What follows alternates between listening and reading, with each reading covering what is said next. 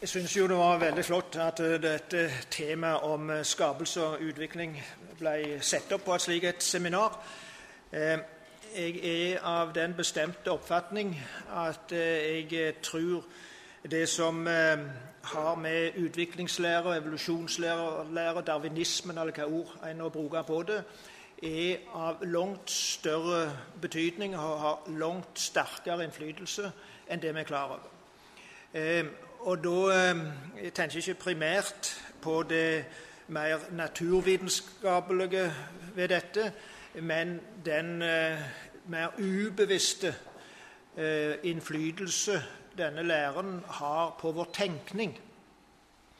Og Det er det som er det som jeg er mest opptatt med, både i, i dag og ellers, når jeg er opptatt med utviklingslære at eh, her har vi gått over fra en situasjon der vi i skolen ble opplært til å tenke ut fra eh, kristen kunnskap, eh, til at det blir lagt ei, eh, denne utviklingslæra blir lagt til grunn eh, som en ikke forholder seg til alltid rent hva skal jeg si, slik strukturelt og tankemessig bevisst, Eh, men som ligger der og skaper holdninger og en forutsetning for disse tingene.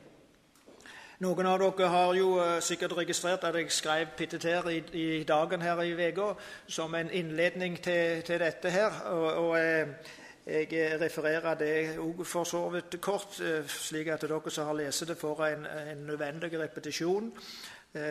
Og dere andre får en start. Eh, jeg kalte denne lille epistelen min derfor 'I Guds bilde' eller 'I slumpens bilde'.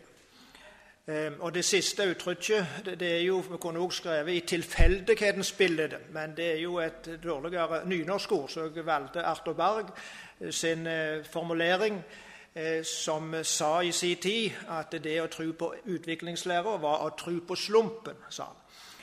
Det vil si å tro på det tilfeldige. Eh, og Som sagt, i vår kultur så har det jo vært slik at en har eh, på Gud som skaperen. Det har en jo gjort, egentlig, enten en var en personlig kristen, som vi sier, eller ikke. Eh, og Det innebærer òg at en har tenkt om seg sjøl i lys av Gud, eller teologisk mer presist sagt at i lys av at vi er skapt i Guds bilde. Og Det har vært den, eh, helt fundamentalt for måten en forstår mennesket på, og måten en tenker om livet på. Ehm, og Det å være skapt i Guds bilde det er jo det som gjør oss forskjellige ifra dyr. Ehm, og Som eh, Gunnar her i år nevnte, så fikk vi jo denne apedebatten som han sa, midt på 80-tallet.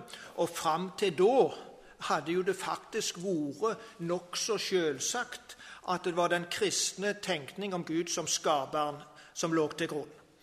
Eh, men så seint altså egentlig som på midten av 80-tallet eh, var det disse ting kom inn med styrke. Jeg har talt om dette en god del ganger i de senere tid. Jeg har sikkert hatt bortimot 20 bibelhelger tror jeg, med, om, om, første Mosebok eh, og urhistorier og bibeltimer rundt dette.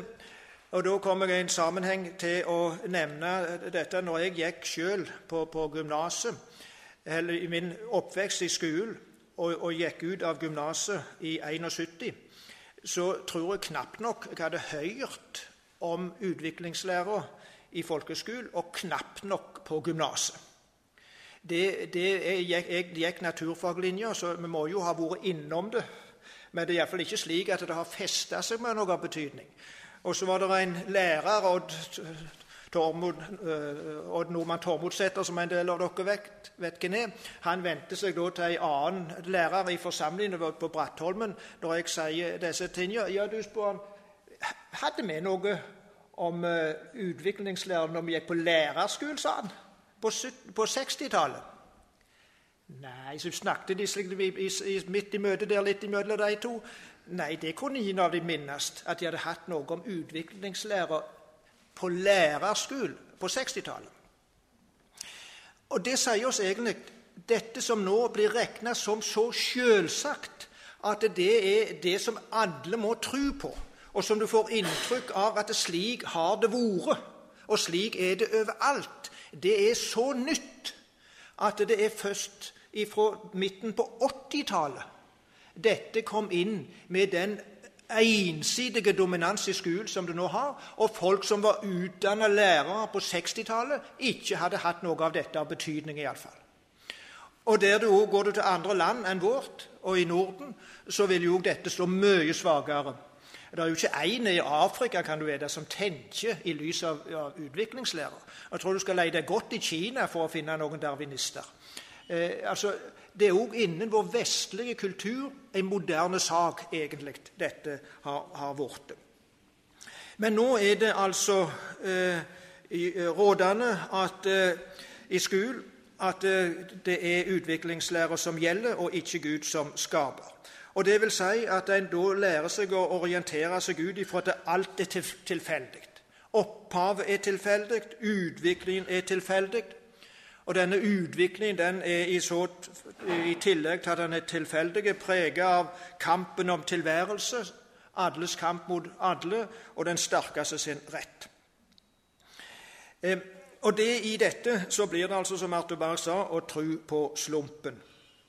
Og Det skaper jo ikke noe videre høytid over livet, eller noe høgverdig over livet, slumpen. Nå er det jo slik at på det rent fysiologiske planet så er jo dyr og mennesker i stor grad like. Vi har jo mye av det samme indre organ. Vi har føtter å gå på og, og hår på hodet, de fleste, eh, som andre plasser òg. Eh, og, og, mye av dette eh, blir jo likt. Men det synes jeg jo er veldig naturlig ved at dyr og mennesker skal leve på den samme planet, leve ut ifra de samme naturgitte forhold, slik at det på det fysiske planet er det naturlig at mye er likt. Men mennesket er altså skapt i Guds bilde, og det er skapt ut ifra Kristus. Og Da er det skapt ut ifra Kristus og ved Kristus til å leve i samfunn med Gud ved Guds ord. Og ved at vi er skapte i Guds bilde, så har vi på sett og vis Gud som modell. Eh, det er Han vi står overfor, vi er skapte som personer fordi Gud er person. Vi har fått liv, det liv som utgår ifra Gud. Vi har fått evigheten nedlagt i vårt hjerte fordi Gud er evige. Vi har fått et språk fordi Gud er Ordet. Og vi har fått del og utøve kjærlighet fordi Gud er kjærlighet. Vi skapte til omsorg og det å ta oss av hverandre fordi Gud er omsorgsfull og tar seg av oss. Og vi skapte til noe som er moralsk rett, fordi Guds vilje er god.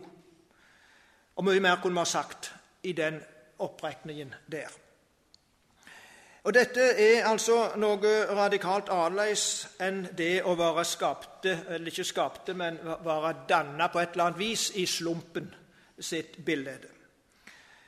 For i det som er ut ifra slumpen, ut ifra det tilfeldige, så er det ingen forutsetninger for å være en person. Eller for å eie liv. Det ligger ikke noe evighetsperspektiv i det tilfeldige, i slumpen. Det er ikke noe overordna mening med språket vårt. Det er ingen kjærlighet eller omsorg. Det er ingen god moral som går ut ifra det. Det tilfeldige kan ikke skape mening i livet. Det kan ikke skape noe formål med livet. Det tilfeldige kan ikke spenne noen himmel over livet. Menneskesynet og menneskeverdet og menneskelivet blir jo radikalt ulikt om vi tenker ut ifra Gud eller ut ifra det tilfeldige. Ut ifra skapelsen eller ut ifra darwinismen. Jeg har gjort meg et tankeeksperiment etter denne, denne terroraksjonen og Utøya-tragedien som vi hadde. Og det er ut ifra at i denne, i denne første gudstjenesten i domkirka eh, så talte biskop Helga Hauglin, Haugland eh, Byfuglin. Det er ikke så ofte jeg siterer eh, liberale kvinnelige prester med tilslutning. Men hun sa noe klokt i den situasjonen, mener jeg. Eh, det var flere andre ting som kunne sies om tall, men hun sa iallfall én ting eh, som var klokt. Hun sa noe slikt at Gud har skapt oss mennesker til å ta, ha omsorg for hverandre og ta oss av hverandre. Det mener jeg var svært klokt sagt inn i denne situasjonen. Gud har skapt oss mennesker for ta seg, ta, at vi skal ta oss av hverandre. Der satt statsministeren og hørte dette, og mest hele regjeringa. Så har jeg tenkt meg Hvis jeg på en tur i Jotunheimen hadde truffet statsministeren, som var også på fjelltur Han bruker å gå tur i Jotunheimen inniblant. Og Jeg satt der med, med kaffekoppen og, og, og, et lite bål, og han kom gående forbi. Så skulle jeg vinke på han og si 'Kom her, skal du få en kaffekopp'. Så ville jeg ha sagt noe slikt. Du gjorde en fabelaktig flott jobb i denne situasjonen som vi hadde med denne tragedien. Du opptrådte med en verdighet, du, eh, du opptrådte samlende. Du klarte denne kombinasjonen av å vise omsorg for disse som lei, med å, å ta, ta, ta, deg av nasjon og, og, og, hvordan vi skulle tenke som nasjon. Og ikke minst ut ifra dette at du hadde mange av dine nærmeste venner som var så sterkt ramma, så var dette veldig flott at du i hele tatt klarte å stå fram på det viset du gjorde. Men du la kanskje merke til vil jeg ha sagt, at hun Helga, biskopen, i sin tale sa dette at vi var skapt av Gud til å ta, oss av hverandre. Ja, ville han sagt. Du vet, Jeg var nå så opptatt med meg sjøl og hadde nok med meg sjøl. Jeg var ikke, var ikke så mye la merke til av det de andre sa, for jeg hadde nok med meg sjøl. Men når du sier det, så har hun sikkert sagt det, og det høres fornuftig ut, det. ville han sikkert ha sagt. Ja, sier jeg. Det der syns jeg var klokt sagt. Og det skjedde jo i stor grad i landet vårt, at vi tok oss av hverandre. Men tenk nå kan, Her var det mange som ikke hadde en klar kristen bekjennelse, som òg gikk inn under det. Kanskje vil jeg ha sagt dette er et uttrykk for at vi opplærte i dette landet i stor grad ut ifra at Gud har skapt oss. Slik at dette ligger der, og, og, og når situasjonen er der, så blir dette levd ut. Ja, han må gjerne sagt. Du har kanskje noe rett i det der, har du ikke tenkt på, vil han sikkert ha sagt. Nei, sier jeg, men hvis du nå skulle tenke ut ifra et humanetisk syn, og ut ifra darwinismen, utviklingslæren For nå har det jo vært slik at den tid du gikk på skole, jeg gikk på skole, så lærte vi, hadde vi kristendom og lærte å tenke ut i lyset nå av det. Nå er dette ute i all hovedsak. Nå bygges tenkningen på utviklingslære. Og hvordan vil du forklare ut ifra utviklingslære, som tar utgangspunkt i det tilfeldige, som har den alles kamp mot alle og den sterkeste sin rett Hvordan vil du ut ifra det forklare og legge en grunnlag for at vi skal ta oss av hverandre? kan utviklingslæra danne oss slik som Helga sa, at Gud hadde skapt oss? Nei, det hadde han ikke tenkt på. Nei, vil jeg si, kanskje du nå skulle gå hjem og tenke litt på det. Og kanskje at dette var et uttrykk for at du burde innføre kristendomskunnskap i, i, i skolen på nytt slik at mennesker, folk som vokser opp i Norge, lærte nettopp dette. Det Gud har skapt oss, og han har skapt oss for at den skal tas av hverandre. Slik at disse destruktive kreftene som ligger i utviklingslæra, ikke får hånd om situasjonen. Så hadde han takka for kaffekoppen og gått. Og hva han hadde tenkt etterpå, vet jeg ikke. Men her, her ligger det noe, altså, i måten vi tenker på. Og det er det som jeg sier, at utviklingslære har to sider ved seg. Og Primært så er det jo en naturvitenskapelig teori, dette her. Eh, og som naturvitenskapelig teori så kan det diskuteres stolper opp og stolper ned. Og, og, og, jeg vil være enig i alt som er lagt fram her, hvordan uholdbart dette er av både naturvitenskapelig og teologisk betraktet, men det kan diskuteres att og fram. Og Somme når, når en løfter fram dette, her, så er det det rent naturvitenskapelige opp imot dette at en heller ikke har klart for seg hva som er utvikling i forhold til at det oppstår nye arter, og hva som er utvikling innen de arter eller slag som vi har. Men det som vi lite, tror jeg, drøfter, det er hva dette gjør med oss som, som mennesker, som personer, hva det gjør med oss på det tankemessige plan. Enten en nå drar det i retning en bevisst ideologi, et livssyn, eller det bare ligger der mer som på et ubevisst plan. Og jeg tror det er det siste i stor grad. Eh, det som jeg videre nå sier, er variasjoner over det jeg nå alt har sagt. Eh, for å prøve å utmynte dette noe mer. Men vi må se litt på det som Bibelen sier om et, eh, et kristent menneskesyn. Og Da er det, som det ble understreket av Jan i år i forbindelse med det med skapelsen, veldig sterkt sagt dette at det mennesket er skapt. Og det er sagt, og dere kan jo disse tingene, så jeg trenger mest ikke sitere men jeg får nå gjøre det like godt. Og mennesket, da sa Gud Lat oss gjøre mennesket i vårt bilde, i likning med oss. De skal råde over fiskene i havet og over fuglene under himmelen, over feet og over all jorda og over hvert kryp som rører seg på jorda. Og Gud skapte mennesket i sitt bilde. I Guds bilde skapte han det. Til mann og kvinne skapte han dem. Det er altså veldig sterkt understreket både at Gud skaper, og at han skaper mennesket i sitt bilde. Og ved det som står videre i kapittel 2 om at Gud forma mennesket av moll, så får en òg fram at mennesket hører skaperverket og naturen til. Det setter altså vårt preg på, det, på mennesket etter det ytre, etter det som gjelder vårt legeme, og som gjør at, Gud, eh, at, at slik som Gud har skapt, så er dyr og mennesker på dette planet eh, nokså like. Men det som altså gjør mennesket til menneske, og som gjør mennesket forskjellig fra dyr, det er at vi skapte i Guds bilde. Og det er det altså bare mennesket som er. Det er det som gir, gir oss menneskeverd, og et verd som altså langt går utover det som dyr og planter og alt annet som måtte finnes i skaperverket, har.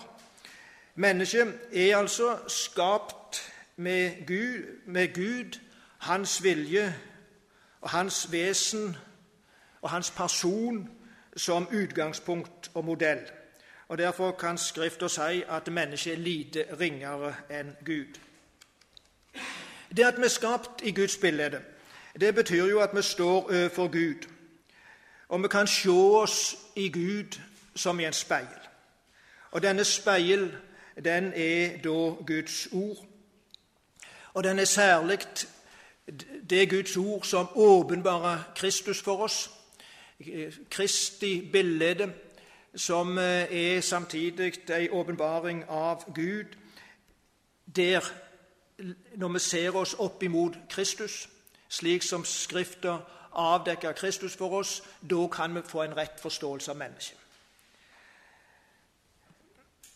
Ja, det er mange sider ved det å være skapt i Guds bilde, og jeg skal bare ta fram litt. Eh, det helt fundamentale er at vi da er skapte som åndelige vesen, som evighetsvesen, til samfunn med Gud. Evigheten er nedlagt i vårt hjerte, som eh, forkynneren sier. Og det er bare mennesket som på det vis har fått evigheten nedlagt i sitt hjerte. Derfor er det unaturlig og det innsnevrende å leve som om det ikke er noe etter døden, som om alt er rent materielt.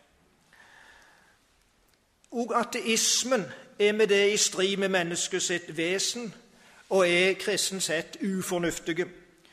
Eh, fordi, kort og godt, en ikke svarer til slik som mennesket er skapt. Og Derfor viser historien også svært få eksempler når det kommer til stykket, på ateister eller gudsfornektere. I alle tider og i alle kulturer har det vært vanlig å ha ei eller annen gudstru. Eh, men problemet er at etter syndefallet så søker en alltid avguder når en søker ut ifra sin evighetslengsel. Og det er bare ved, ved, ved Guds ord at vi leder oss fram til den sanne Gud. Jeg bruker her ofte å fortelle om en episode med Miriam, datter mi, som sikkert ingen av dere har hørt, men jeg synes den er forholdsvis god. Fordi eh, da Midt på, på 90-tallet kom det ei bok om ateisme. Det var ei tynn bok etter sidetall og etter innhold. Eh, og Visstnok den første boka som var skrevet om ateisme på norsk, faktisk. Eh, og Det var en universitetsutdanna kar som hadde vært i Kina. og Der hadde han truffet ei universitetsutdanna dame. og De hadde begynt å snakke og tent noe talgalys på et gulv og sett seg og diskutert forskjellige spørsmål. Og Hun her kinesiske universitetsutdanna dama hun var så overgitt over at en en, en, oppegående nordmann som altså var universitetsutdannet, virkelig ikke trodde på Gud på et eller annet vis. Det trodde ikke at det gikk an for fornuftige folk å ikke tro på et eller annet med Gud. Så han reiste hjem og skrev ei bok for å forklare for seg sjøl og for andre hvorfor han ikke trodde på Gud. Og Så hadde jeg denne boka liggende i, i døra i bil. Eh, så når vi sto i en ferjekø, så tok hun opp og les. Og så sa at Miriam var den tid Miriam og meg var alene. Hun var vel pluss-minus ti år. Og så spør hun da pappa sier hva er det du leser på. Så jeg, jeg leser på en bok om ateisme, sier jeg. Ateisme, sa. Hva er det for noe? Ja, det er det at folk ikke tror på Gud, sier jeg. Hm, sa hun. Alt det de kan skrive bøker om. Og det syntes jeg var knagende godt sagt, for det var jo faktisk den første av noe betydning som var skrevet på norsk. Og så bruker jeg å fortelle en motsetning til dette. Til kona sin fortvilelse så abonnerer jeg på Verdens hellige skrifter. Og nå talte jeg i hylla i dag. Nå var det kommet 72 i den serien. Og det tar ikke slutt. Heldigvis er hver femte gratis. Og Kona sier du, du leser ikke noe like godt i disse. Jo, det er et essay innledningsvis. Det leser jeg for at jeg skal få en unnskyldning til å kjøpe dem. Og, og, for å få et inntrykk. Og Du kan holde på å lese det uendelige av all slags verdens hellige skrifter. Fordi folk til alle tider i alle kulturer har trodd på Gud på et eller annet vis. Fordi vi skapte i Guds bilde. Men de har trodd på avguder fordi det kom et syndefall. Ateismen de ekte ateistene de kan du henge opp på veggen i bildet og ramme alle sammen. De er så få når det kommer til stykket. Men i Vesten, men i Norge, er vi jo verdens ledende nasjon i lag med Sverige. På, vi, fra, vi, ligger litt framfor Sverige på ateister. Vi leder i verdens målestokk når det gjelder ateister i dette landet. Mennesket er et evighetsvesen som er skapt til samfunn med Gud. Og Det kom i utgangspunktet veldig tydelig til uttrykk ved at Gud gikk i Edens hage og snakket med Adam og Eva. Og Det skal han gjøre på den nye jord òg. Fordi det er etter oppstandelsen, når vi flytter inn på den nye jord, så kommer Gud med hele sin himmel ned på den nye jord og tar bostad, blant sitt folk.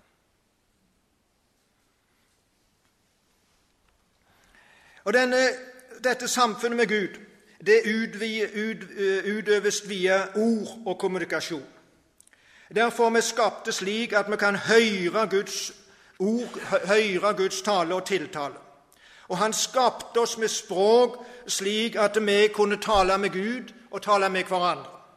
Adam og Eva trang ikke gå på noe språkkurs når Gud kom til dem. De kunne snakke. Det var en del av skapelsen at de hadde fått et språk som de kunne kommunisere ikke bare med hverandre på, men òg med Gud.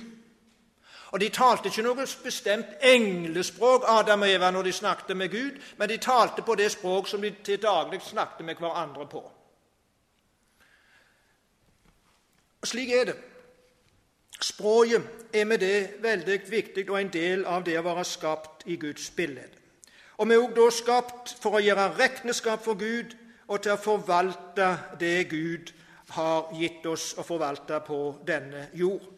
Og Derfor er det for det så radikale følger når eh, mennesket svikter Gud, slik som det skjedde i, eh, i syndefallet. Her er det et moment som vi vil ta med litt rundt et kristent historiesyn inn i dette. Fordi det er faktisk viktig å tenke kristendom historier, særlig i, i opp imot det som har med utviklingslære å gjøre. Fordi Gud styrer historier totalt sett. Han har altså ikke mer sett i gang, men han styrer det hele. Og han styrer særlig med tanke på frelsesdimensjon. Derfor utvalgte han Abraham, og vi fikk frelseshistorier gjennom Israel som det grunnleggende i, eh, i selve historien opp gjennom tidene. Og Det starter jo faktisk i urhistorien ved løftet til Adam og Eva på, på, på fallets dag. Eh, det å forstå utvikling på jorda på rett vis og, forstå, og, og, ha de rette verdimålene, verdimålerne for det som skjer, det kan vi bare få ved å ha et kristent historiesyn. Og Da må vi altså ta utgangspunkt i at Gud har skapt universet og alt liv, og at han setter mennesket inn i skaperverket, og han setter det inn der med mål og mening. Og Det skjedde altså fordi at Gud eh, skapte mennesket i sitt bilde. Dette kan jeg ikke gå grundig inn på, men bare lite grann. Dette viser oss at det som skjer opp gjennom historien, det skjer ikke tilfeldig eller målløst, slik evolusjonslærer må hevde. Men menneskelivet og utviklingen av dette det er heller ikke ensidig bestemt av mennesket sjøl slik som det ligger i rasjonalismen. Og det er heller ikke bare de, det som hører materien til, som styrer, slik som dette materialistisk syn må si det. Og det er heller ikke bare det som mennesket finner for godt for seg sjøl, eller det som ligger i ens følelser som avgjørende, slik som postmodernismen må si det. Nei, Gud har alt i si hånd dypest. Han er suveren, og han bruker det som han har lagt ned i skaperverket, òg når han styrer. I tillegg til at han griper direkte og suverent inn, slik som han ser det rett for å styre historien mot sitt mål. Og Selv om det er mye på denne jord som er i strid med Guds vilje etter syndefallet, så har Gud hele tilværelsen i si hånd. Eh, og Dette er noe som vi egentlig ikke forstår oss på alltid.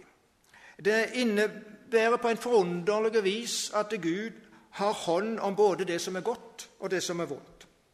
Derfor kan det sies at det faller ikke én fugl til jorda uten Gud. Gud er der. Og så heter det i Forkynneren at Gud har, har, skapt både den gode og den vonde dagen. Og Det vil si at Gud har alle dager i si hånd. Både de dager i vårt liv som er gode, og de dager i vårt liv som er vonde, de har Gud i si hånd. Det vil si at vi er med, Gud, med vårt liv og vår dag i Guds hånd alltid. Enten dagen er god eller vonde. Og Det er trøst, og det gir fremodighet på det personlige planet. Og så går det da ei, grunnlinje i, gjennom alt det som gjelder dette historie, et kristent historiesyn. Og det er dette at mennesket er skapt samf til samfunn med Gud. Det var selve hensikten. Og Det vil òg si at Gud han styrer ut ifra det overordna målet at mennesket skal være i den posisjonen. Om en ikke er det, så skal en komme inn i den posisjonen at en er i samfunn med Gud.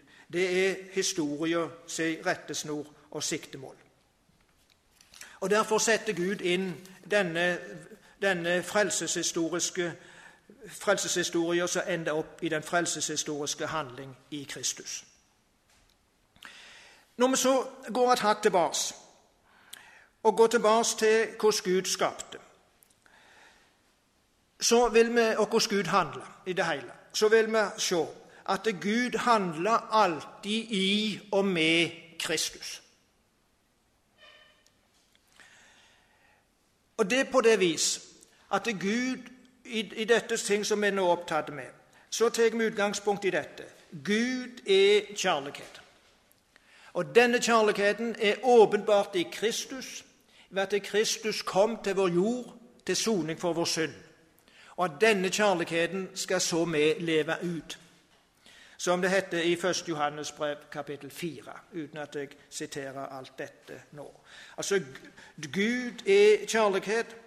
Det er utgangspunkt for måten han skaper og styrer på, og det er utgangspunktet for at vi òg skal elske hverandre. Og Med det som utgangspunkt så heter det i Skriften at Gud utvalgte oss i Kristus før verdens grunnvoll ble lagt. Det taler om, eh, om eh, et par ting, i det minste. Det taler om Guds suverenitet. Gud gjør sin gjerning uavhengig av oss, utvalgt i Kristus før verdens grunnvoll ble lagt. Og det sier oss at Guds handling og Guds skaping er i kjærlighetens rom. Fordi han handla ut ifra utvelgelsen i Kristus, han som er kjærlighet. Og så heter det i flere plasser i Skrifta, ikke minst i Kolosserbrev 1, 16 og 17, at Gud skapte oss ved og til og for Kristus. Og Det heter òg at alt blir holdt oppe ved Kristus. Og alle disse ting som vi nå har sagt, det er radikalt forskjellig ifra evolusjonslæra. Der er det ingen kjærlighet som er utgangspunktet. Det skaper en totalt annen tenkning og atmosfære rundt det hele når en starter i dette at Kristus er kjærlighet. Utvelgelsen av mennesket skjer i Kristus før verdens grunnvoll ble lagt. Alt blir skapt og styrt og holdt oppe ved Kristus. Kontra utviklingslærer sitt kalde utgangspunkt. Og Hvis vi da tar noen glimt av disse tingene Det å være skapt altså i, i Guds bilde ved Kristus, i lys av Guds kjærlighet, opp imot utviklingslære. Så vil vi se. Og nå sier jeg opp igjen noe av det jeg sa innledningsvis, eh, og bare gir noen glimt. Vi er altså skapte som mennesker som personer fordi Gud er person. Etter utviklingslærer så er vi ren materie. Ingen person. Vi er skapt til liv, har fått liv, fordi Gud bles sin livsånde inn i mennesket. Med det så utgår vårt liv ifra Gud og Guds liv. Etter utviklingslærer så er det komplett umulig å definere livet og forklare livet. Livet kan kort og godt ikke defineres og forklares verken hva det er, eller hvor det kommer ifra, når det har oppstått rent tilfeldig. At det er på ren slump det er blitt til. Og i alt det vi kjenner fra tilværelsen, så utgår liv alltid fra liv. Det er ikke et eneste eksempel på at liv har utgått ifra noe annet enn liv. Og de, de gangene de har gjort noen forsøk på å skape liv, og de trodde de hadde glatt det, så var det sånn, han Jon Kvalbein sa det en gang Da stikker liksom livet av, sa han. Eh, fordi at i det de tror de har fanga livet, så er det vekke. For livet kan ikke forklares på noe annet vis enn at det er utgått ifra Gud. Ut ifra det som vi nå har sagt, så altså er mennesket skapt til kjærlighet og omsorg Etter utviklingslærer er det alles kamp mot alle.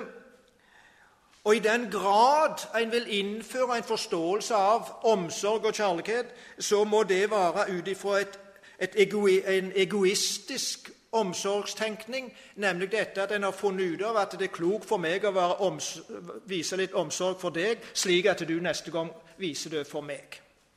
Men da blir altså omsorgstenkningen egentlig en egoistisk tenkning, fordi det er av hensyn til meg sjøl, eh, og, og da har det jo ingen hensikt å vise omsorg for noen som på absolutt ikke har noen mulighet til å vise omsorg tilbake. Det er altså Ut ifra skapelsestenkningen så er vi skapt et form, med et mål og et formål, og det er å høre Kristus til.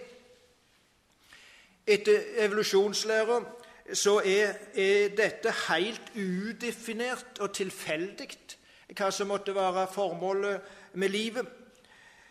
Og Da må en i så fall finne formålet i seg sjøl eller i sitt eget liv. Og det er jo forferdelig vanskelig, det er en krevende øvelse, eh, å, å definere målet og formålet ut ifra seg sjøl.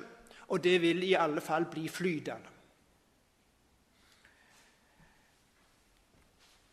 Etter kristen tenkning så har altså historie et endemål. Det er historisk linje som Gud styrer med et endemål. Etter evolusjonslærer så er det hele ubestemt òg på dette punktet og tilfeldig. Etter kristen tenkning ved at vi er skapte ved Kristus, så er det, er det godheten som ligger til grunn. Det er en vilje knytta til, til, Guds vilje, og, og, det, og en norm ut ifra at Gud både er hellige og kjærlige. Etter evolusjonslæra så er, er en uten godhet og mennesket er egentlig viljesløst. Iallfall ikke har en, en, mulighet til å styre ut ifra sin vilje, eh, fordi det hele er orientert ut ifra det tilfeldige. Det er normløst. Mennesket har altså ut ifra kristen tenkning et meningsbærende språk, og et språk som er samfunnsbærende. Det vil si at eh, språket vårt skaper samfunn oss imellom, og skaper samfunn med Gud. Og er bærer av mening. Etter evolusjonslæra så eksisterer ikke noe slikt. Blir, der blir språket egentlig slik kvakk-kvakk-informasjon, der du gir noen signal om visse, en viss informasjon men uten noe mer bærende mening og uten noe samfunnsbærende i seg. Og Selve frelsesdimensjonen og det kristne håp som ligger i den kristne tru, det går opp i den tilfeldige utvikling eh, som ligger i evolusjonslæra. Og Dette får òg store konsekvenser med tanke på mennesket og måten mennesket skal leve på. Etter kristen tenkning så skal en altså leve ut og vise den kjærlighet og omsorg som ligger i det at vi skapte med utgangspunkt i Kristus. I evolusjonslæra ligger det ingen slik drivkraft og ingen slik forpliktelse. Etter kristen tenkning så ligger det en, et instrument til å prioritere ut ifra målet og formålet med mennesket og det endemål som mennesket har. Altså Vi skapte samfunn med Gud og med tanke på evig frelse. I evolusjonslæra så ligger det ingenting å prioritere og orientere seg ut ifra utover det tilfeldige. Da får du ingen prioritering i livet. Du kan ikke prioritere ut ifra det tilfeldige. Det må være noe som ligger fast og er overordna om du skal prioritere og orientere deg. Ut ifra kristen tenkning så ligger det for mennesket at en skal praktisere det gode og leve etter kristen etikk. Noen slik en etikk kan du ikke dra ut av det tilfeldige.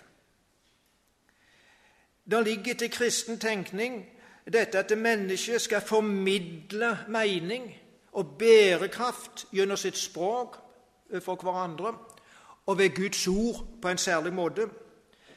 Noe slikt ord som har bærekraft i seg, finner du ikke ut ifra evolusjonistisk tenkning. Og Dypere sett så skal altså da mennesket forkynne og formidle frelsen i Kristus. Etter evolusjonslærer er det ingen frelse å formidle. Du kan ikke formidle frelse ut ifra det tilfeldige og ut ifra den sterkeste sin rett. Så det er et moment til som jeg nevner kort.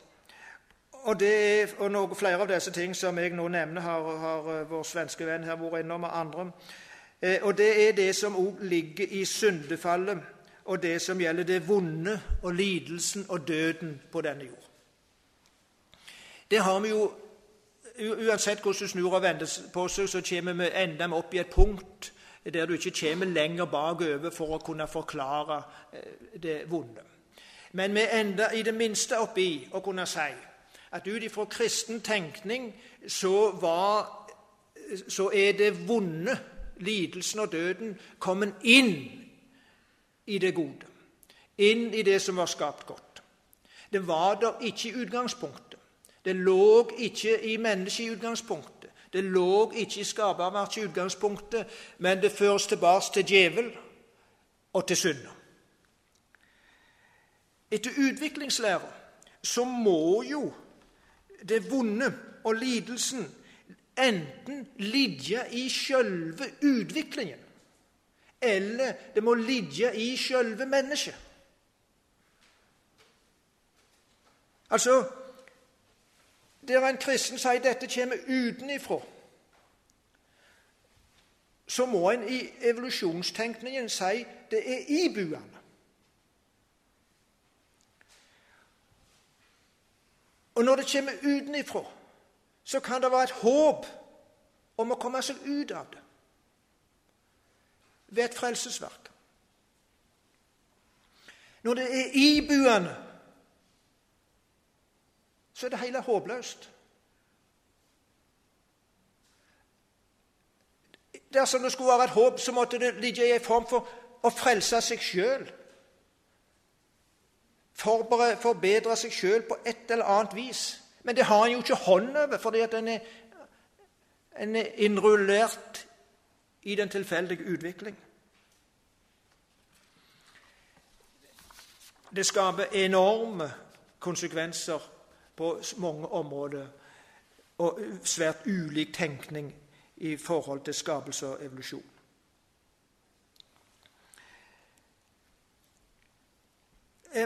La meg da prøve å konkretisere det litt, inn i, inn, litt mer inn imot det samfunn som vi lever i.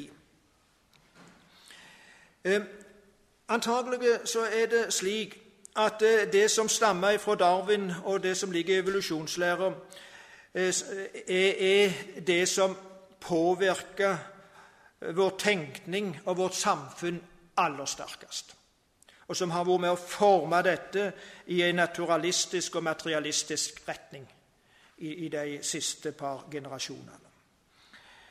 Eh, og da ut ifra altså at darwinismen legger premisser for tenkningen, for en total oppfatning av tilværelsen, eh, enten det nå er et, et, et, formelt og bevisst livssyn, eller det mer ligger der på det uformelle plan, der der, eh, som har vunnet en slik en uformell plass fordi at eh, den kristne tenkning har blitt skutt til sides. Altså Mennesket kan jo ikke leve i et tankemessig tomrom, et vakuum. Slik at det som har, Når det som danner premissene for vår tenkning, som lå i kristendommen, blir skutt ut, så må det jo komme noe annet inn. Og, og, og, når så evolusjonstenkningen er det som legges til grunn i stor grad, så vil altså det være med å styre og forme både på, på det personlige planet og på, eh, eh på det samfunnsmessige plan. Eh, og Og da blir det, og jeg gjentar det Det som, som blir til sjuende og sist det, det fundamentale i dette, det er at alt orienterer seg ut ifra det tilfeldige.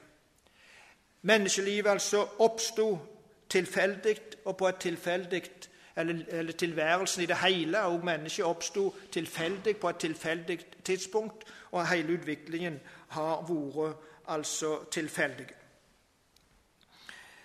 Eh, som opphavet er tilfeldig, det er utviklingen tilfeldig, og det nivået som de ulike organismene er på nå, er midlertidig og tilfeldig. Og Det er òg et interessant aspekt, for det er ikke alltid en er klar over når en tenker utviklingslære. At det, det stadiet mennesket er på i dag, er ikke noe endelig stadium. Det er et helt tilfeldig stadium mennesket er på i dag. Som mennesket var annerledes for, for 10 millioner år siden, eller 100 millioner år siden, hva det måtte være, så vil mennesket være annerledes 10 millioner fram i år, eller 100 millioner fram i år. Og, og, og, og hvis det med en gang gikk på fire bein, så om vi da vil gå på ett bein eller på tre bein om 100 millioner år, det er ikke så godt å si. Og om da vil hun ha øyne i nakken fordi det var veldig praktisk å kunne se alle veier på en gang, det vet vi ikke heller. Men det eneste vi vet ut ifra denne evolusjonstenkning, det er at det slik mennesket er i dag, vil det helt sikkert ikke vare om 10 millioner år, og enda mindre om 100 millioner år. Det er bare én ting som er sikkert i evolusjonslæra, og det er at alt er tilfeldig. Og med det at alt per i dag òg er på et tilfeldig nivå, som helt sikkert vil bli annerledes om en tid fram i tida, som det var annerledes før.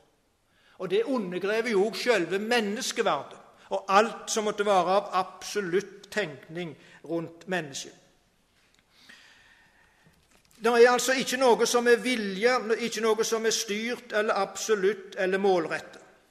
Enhver livsform eller enhver dyreart er på enhver tid på et tilfeldig stadium i utviklingen. Og Det gjelder altså også mennesket. Og Det hele det er rent materialistisk eller naturalistisk og ikke vilje- eller gudstyrt. Det starta i den ene celle, eller det ene opphav, alt. Og som det har utvikla seg tilfeldig derifra, så vil det altså bli tilfeldig. Da er det i dette to grunnleggende spørsmål. Og Det ene er, eller problemstillinger, det ene er altså at det ikke blir gjort skilne på dyr og menneske. Alle levende vesen har samme opphav. Og Det gjør at menneskeverdet ikke blir ulikt i forhold til øvrig liv i naturen. Og mennesket står med det heller ikke til ansvar for noe overfor seg sjøl, eller over seg sjøl, og står heller ikke til ansvar med tanke på forvaltning av det som måtte være underlagt mennesket. En er på lik linje både oppad og nedad. Det er faktisk ingenting over og ingenting under i forhold til dyr menneske. Mennesket får, eh, og menneskeverdet blir da rent naturalistisk og, biologisk. Og forskjell til dyreverden blir rent praktisk og pragmatisk. Og det enda i et agnostisk eller et, et, eller et ateistisk menneskesyn eller livssyn.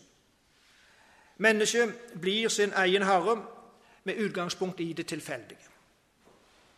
Som dyr er sine herrer ifra sin posisjon. Dette bryter naturligvis med et kristent menneskesyn radikalt.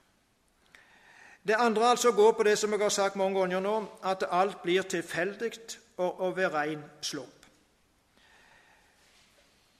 Og da, når alt er Når det ikke er noe mål eller mening, så blir det òg ut ifra evolusjonstenkning så blir det òg prinsipielt umulig å tillegge menneskelivet mål og mening. Menneskelivet er i utgangspunktet meningsløst og målløst og er, er uten en vilja start eller et viljeopphav, opphav, og det er uten et vilja livsløp eller livsmål. Og Spør en da etter mening med livet, så må den begrunnes rent praktisk eller pragmatisk. Og det er uhyre vanskelig. Iallfall for den som prøver å tenke litt. Og Da står mennesket overfor et par fundamentale problemer. Mennesket har ut ifra dette ingen absolutt verdi, fordi det er tilfeldig og på et tilfeldig stadium. Men det er del av kampen for tilværelsen på linje med alle andre levende organismer. Og Det fører lett inn i det som har blitt kalt sosialdarwinisme og rasehygiene, selv om det er få darwinister som vil vedkjenne seg det. Men i, i det minste så eh, fører det med seg en nedvurdering av det svake og det svake mennesket. Både det, det, som er født, og det som er ufødt. Og Det åpner for sorteringssamfunn og for egoisme. Og Det andre er altså den mangel på mening i livet og mål med livet som ligger i det tilfeldige. Når en ikke har et fast og vilje utgangspunkt, har en ikke noe å feste tanken i, eller noe å orientere tanken ut ifra. Og når det heller ikke er noe mål, mening eller mål for det hele, så blir det, blir det lite og ingenting å leve for, og en ender i pessimisme, i destruksjon, og da blir veien kort til det likegyldige, til depresjon og i siste instans til selvmord. Og Her syns jeg å leser noe interessant av en filosof, en kvinnelig professor som jeg ikke husker navnet på. Den boka hadde jeg tatt med meg til Tromsø og glemt å tatt med meg hjem igjen, så jeg fikk ikke sjekka det. Eh, men det var en eh, Jeg leser eh, en tankevekkende sak som gikk på dette at mennesket er det eneste levende vesen som tar sitt eget liv. Mennesket er aleine om selvmordet. Og det må jo være en tanke eh, En, en, en, eh, en, en nokså stor, stor tankeproblem for en darwinist. Hvorfor er mennesket det eneste vesen som tar sitt eget liv? Det må jo, og det henger jo sammen som oftest med at av en, en eller annen grunn finner livet for vanskelig. Og Denne filosofen sa også da at dypest sett så er det bare ett filosofisk problem av fundamental karakter, og det er selvmordet. Det er det eneste filosofiske problem av, av helt fundamental karakter selvmordet. Fordi altså Når du når du føler menneskelivet, så ender du opp i det spørsmålet hvorfor er det noe menneske som tar sitt eget liv? Og hvorfor er så mennesket det eneste vesen som gjør det?